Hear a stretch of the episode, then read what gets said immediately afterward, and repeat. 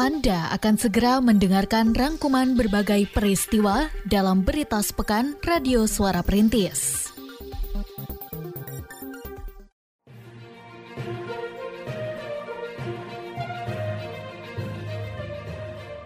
Berita sepekan Radio Suara Perintis FM Kota Sukabumi.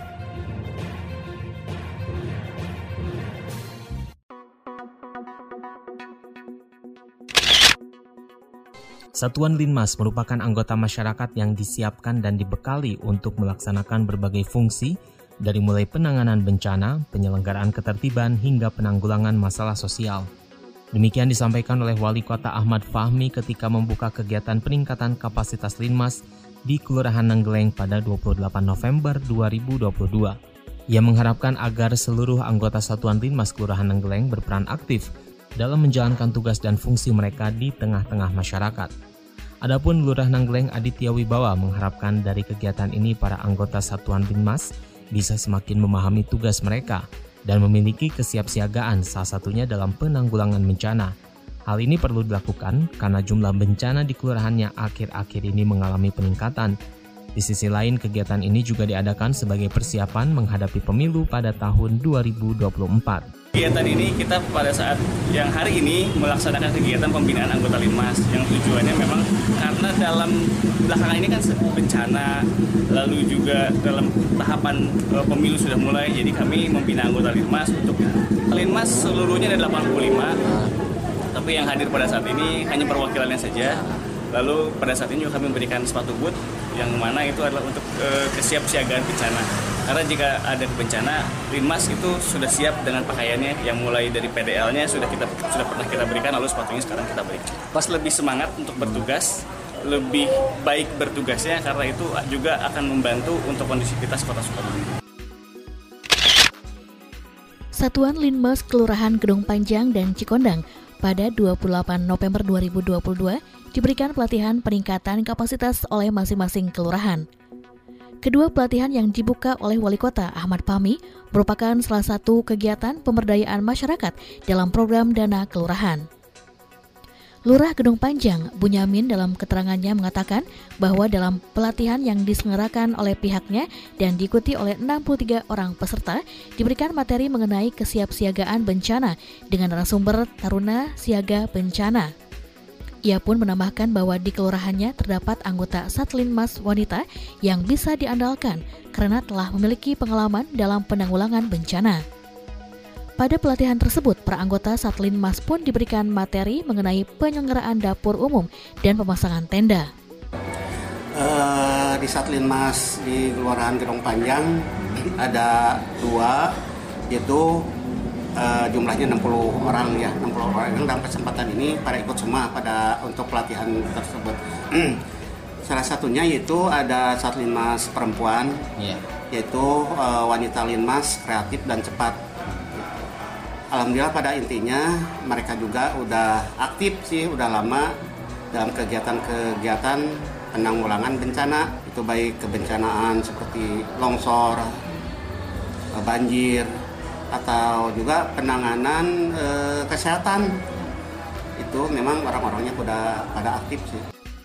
Sedangkan di Kelurahan Cikondang, para anggota Satlinmas mengikuti pelatihan mengenai penanganan gangguan Kaptipas dengan narasumber dari TNI, Polri, serta Dinas Satpol PP dan Damkar.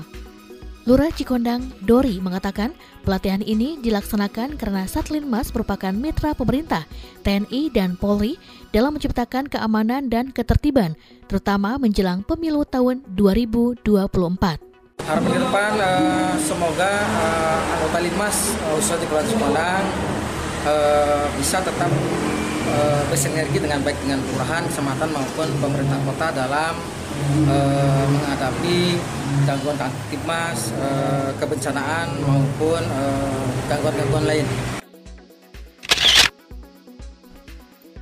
Menjelang pemilu pada tahun 2024, para ketua RT dan RW harus mampu menjaga kondusivitas masyarakat serta mensosialisasikan proses pemilu kepada mereka. Hal tersebut disampaikan oleh Wali Kota Ahmad Fahmi dalam diseminasi penguatan peran RT dan RW dalam pemilu serta pilkada pada hari Senin 28 November 2022 di kantor Kelurahan Benteng. Ia mengharapkan dengan adanya peran aktif ketua RT dan RW, pemilu yang memberikan hasil berkualitas dapat terwujud dan pada saat bersamaan tingkat partisipasi pemilih pun mengalami kenaikan. Ditambahkannya para ketua RT dan RW harus pula menjamin para pemilih disabilitas dapat menggunakan hak pilih mereka. Sementara Lurah Benteng Tri Hastuti mengatakan bahwa kegiatan ini merupakan program pemberdayaan masyarakat dalam dana kelurahan yang pada tahun 2022 difokuskan untuk empat lembaga kemasyarakatan kelurahan yaitu RT serta RW, Posyandu, PKK, dan LPM. Pada kegiatan diseminasi tersebut bertindak sebagai narasumber yakni Komisi Pemilihan Umum dan Badan Pengawas Pemilu Kota Sukabumi. Kegiatan pemberdayaan pada tahun 2002 ini kita terfokus kepada 4 LKK yang pertama eh, RT RW, kedua Pesyandu, PKK dan juga eh, LPM. Nah, untuk kegiatan pemberdayaan RT dan RW ini kita spesialisasikan eh, untuk penguatan peran RT RW dalam tahapan pemilu dan pilkada 2024. Mungkin terkesannya masih jauh ya, tapi memang untuk tahapan dari pesta demokrasi tersebut sebenarnya sudah dimulai sejak uh, Juni 2022. Jadi untuk sekarang barangkali ada tahapan-tahapan yang nantinya bisa didukung, disupport penuh oleh para RT RW misalnya tentang mensosialisasikan pembentukan badan NHO, kemudian juga RT RW juga harus mengetahui tahapan-tahapan apa saja sih yang mereka bisa memberikan peran kemudian juga bisa mensosialisasikannya kepada warga masyarakat yang Tiga orang atlet pelajar kota Sukabumi meraih prestasi dalam ajang Energen Student Athletic Championship babak kualifikasi Jawa Barat yang diselenggarakan pada tanggal 25 hingga 27 November 2022 di Gor Arca Manik Bandung. Mereka adalah Ica Indriana dari SMA Negeri 1 yang meraih medali emas nomor lari 100 meter putri Kemudian Radifa Zalianti dari SMP Negeri 10 yang meraih medali perunggu nomor lari 80 meter dan Farel Livina dari SDN Paku Jajar CBM yang mendapatkan medali perak nomor lari 60 meter putra. Dari ketiga orang atlet tersebut, Ica Indriana menjadi salah satu atlet delegasi Jawa Barat yang akan berlaga dalam National Championship pada tanggal 13 hingga 15 Januari 2023 di Stadion Madia Gelora Bung Karno. Saat ditemui pada 28 November 2022, bagian Humas SMA Negeri 1, Ani Riani Skarwulan, menyatakan bahwa pihak sekolah sangat bersyukur atas prestasi yang diraih Ica dan mengharapkan raihan tersebut bisa memotivasi siswa-siswi lainnya untuk berprestasi. Saya sebagai Humas Mansa mengucapkan syukur karena salah satu putri atau siswa dari Semansa yaitu Ica kelas 12 IPA 4 telah berhasil kembali menjadi juara satu pada cabang atletik atau championship di tingkat Jawa Barat. Alhamdulillah Alamin juga karena prestasi Ica akan memotivasi adik-adiknya atau rekan-rekannya untuk senantiasa berprestasi untuk semansa. Harapan kami dari pihak sekolah kepada Ica mudah-mudahan dengan prestasinya ini ke depan akan mempermudah pendidikan selanjutnya sesuai dengan bakat dan minat dari Ica itu sendiri.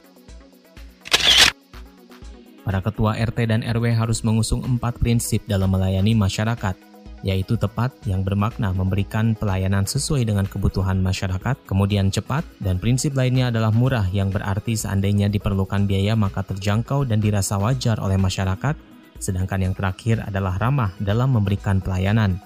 Empat hal tersebut ditekankan oleh Wali Kota Ahmad Fahmi saat membuka bimbingan teknis administrasi bagi RT dan RW di Kelurahan Baros pada hari Selasa 29 November 2022 bertempat di kantor kelurahan. Menurutnya kemampuan dalam pengadministrasian merupakan hal dasar yang harus dikuasai ketua RT RW beserta jajaran pengurus karena hal ini merupakan salah satu kendala yang sering menghambat dalam pelaksanaan tugas.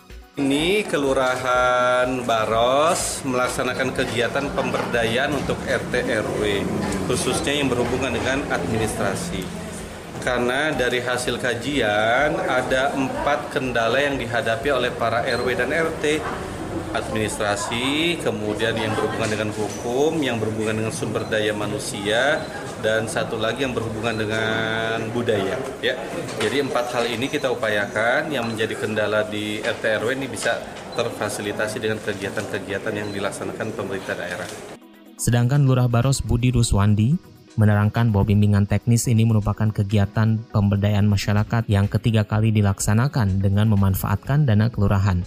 Bimbingan teknis yang diikuti oleh 83 orang peserta diharapkan mampu meningkatkan kinerja para ketua RT RW beserta jajaran pengurus dalam pengadministrasian, salah satunya dalam pengarsipan dokumen.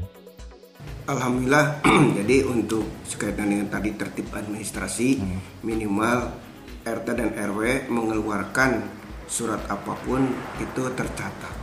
Manakala ya di, diarsipkan ke suatu waktu diperlukan bisa dibuka kembali arsip. Makanya hari ini pun kami memberikan berupa buku administrasi pencatatan untuk RT dan seluruhnya di, diikuti oleh 18 RW dan 65 RT jadi 83 peserta. Ikatan Pekerja Sosial Masyarakat IPSM kembali menyalurkan bantuan untuk anak yatim yang kali ini diberikan kepada 20 orang penerima dari Kelurahan Cikondang. Penyerahan bantuan tersebut dilakukan secara simbolis oleh Wali Kota Ahmad Fahmi pada 29 November 2022 di kantor Kecamatan Citamiang. Wali Kota mengharapkan kegiatan ini mampu menginspirasi berbagai pihak untuk ikut menunjukkan kepedulian bagi masyarakat yang membutuhkan – dan ia pun menyampaikan pesan kepada IPSM agar tetap konsisten dalam melaksanakan bakti sosial. Sedangkan Ketua IPSM Kota Sukabumi Undang Hidayat menjelaskan bahwa pada penyaluran bantuan kali ini, dana yang disalurkan adalah sebesar Rp4.500.000 dan setiap anak menerima sebesar Rp220.000. Jadi itu program kita. Kita selalu berbagi bakti sosial. Jadi didapat dari hasil insentif tiap bulan yang kita kumpulkan sebanyak 35 arisan itu tiap bulan berimpak kita kumpulkan per tiga bulan kita serahkan ke tiap-tiap kelurahan yang tadi hasil kontrolnya oleh pemerintah. Kalau penerimanya itu siapa aja ya Pak? Nah, kita kembalikan ke wilayah karena ini uh, uangnya uang PSM, impaknya impak PSM sesuai keinginan di tiap kelurahan. Ada anak yatim, ada uh, jompo, tidak jauh dari itu. Untuk pelaksanaannya rutin itu berapa per berapa bulan sekali atau? Insya Allah per tiga bulan kita selalu uh, mengadakan bakso sosial.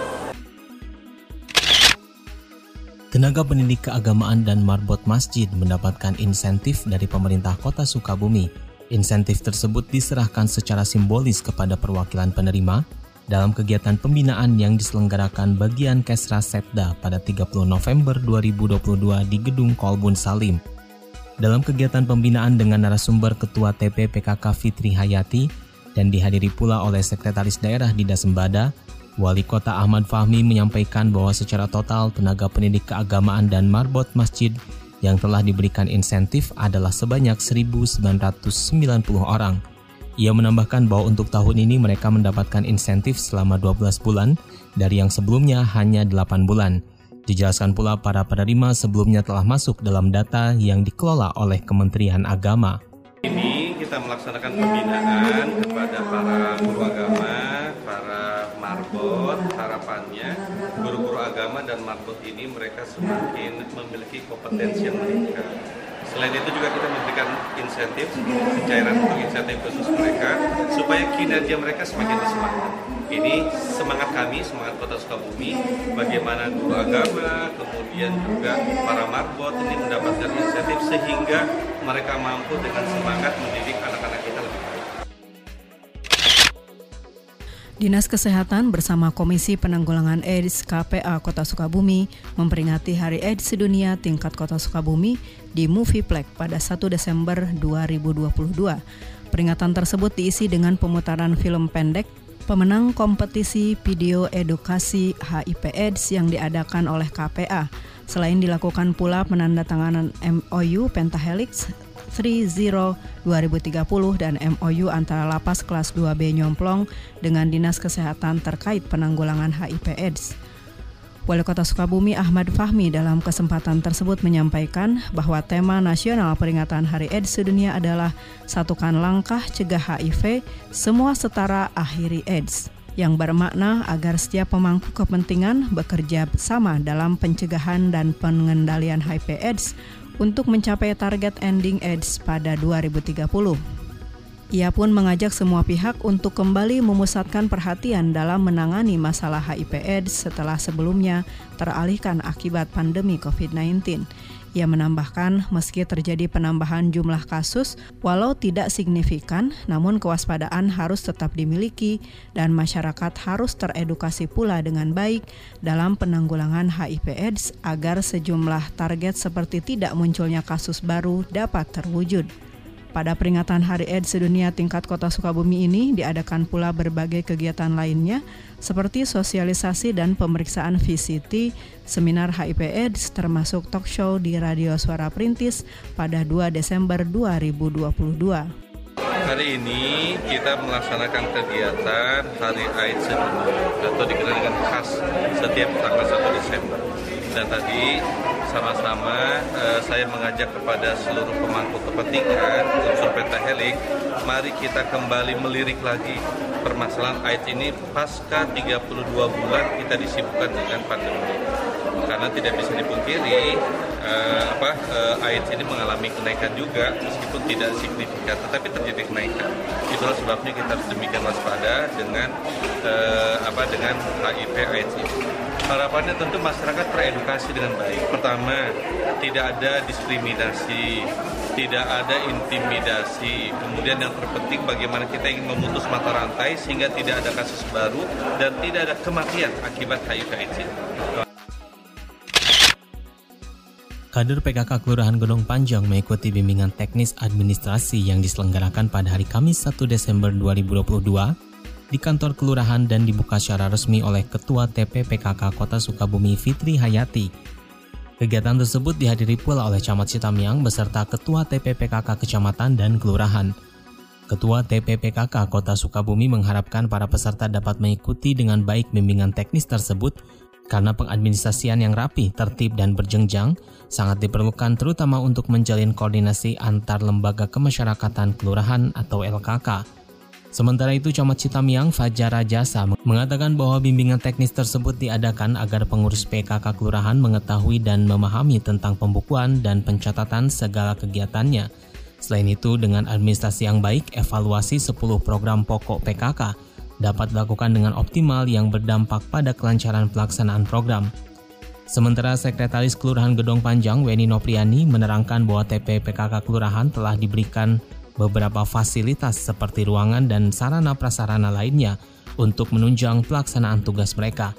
Diharapkan dengan telah adanya dukungan tersebut, kader PKK bisa memiliki kinerja lebih baik. Uh, kita mengoptimalkan untuk uh, eh, TPPKK Kelurahan Gedong Panjang memfasilitasi untuk kebutuhan yang yang diperlukan oleh TPKK kelurahan. Contohnya dengan uh, diinginkannya di, dibuatkannya buku administrasi PKK yang dari sekretariat sampai Pokja 1, Pokja 2, Pokja 3 sampai dengan Pokja 4. Alhamdulillah kita sudah um, melaksanakannya, sudah membuatnya walaupun mungkin itu masih ada kekurangan sedikit-sedikit itu pasti bisa diperbaiki di kemudian hari. Mudah-mudahan dengan di, difasilitasinya oleh pihak Kelurahan Gedung Panjang kader PKK semuanya bisa e, melaksanakan kegiatan TPKK dengan nyaman bisa bersemangat e, bisa melaksanakan e, tupoksinya masing-masing yang dari sekretariat sampai ke Pokja 4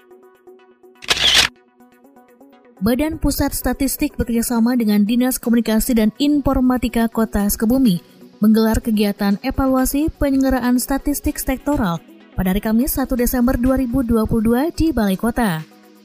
Kegiatan ini dihadiri oleh perwakilan organisasi perangkat daerah pada pemerintah Kota Sukabumi. Kepala BPS Kota Sukabumi, Urip Sugeng Santoso mengatakan bahwa kegiatan ini merupakan salah satu bentuk kerjasama penyelenggaraan statistik sektoral yang diamanatkan dalam Undang-Undang Nomor 16 Tahun 1997 tentang Statistik dan Peraturan Presiden Nomor 39 Tahun 2019 tentang Satu Data Indonesia.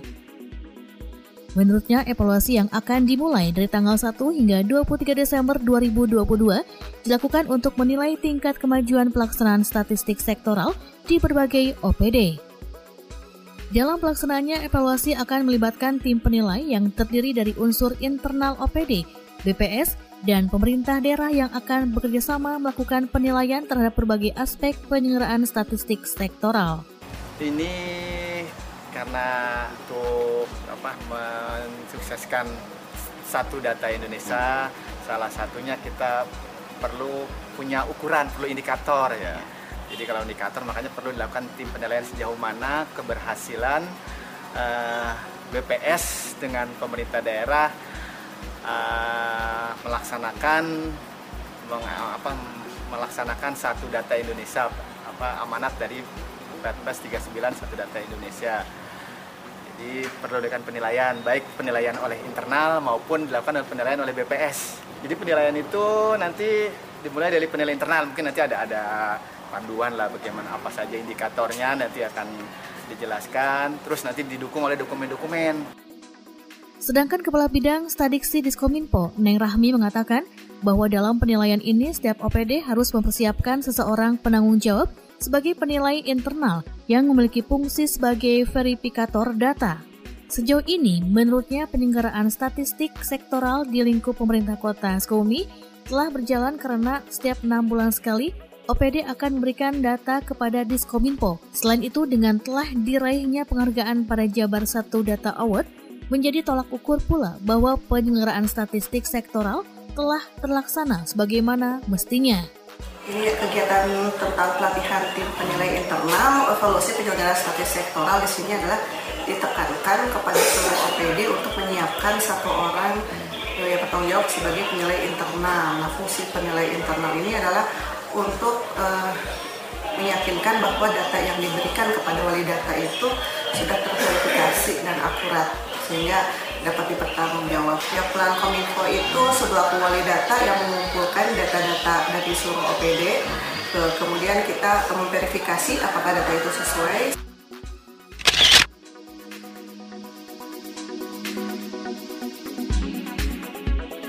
Demikian berita sepekan Radio Suara Perintis edisi kali ini. Dengarkan program berita kami, berita seputar kota, yang disiarkan dari Senin malam hingga Minggu pagi pukul 18.30 dan 06.30 waktu Indonesia Barat. Dengarkan pula setiap Senin hingga Jumat, berita siang pukul 13.00, berita sore pukul 16.00, dan berita malam pukul 21.30 waktu Indonesia Barat. Terima kasih, sampai berjumpa di Berita Sepekan edisi selanjutnya.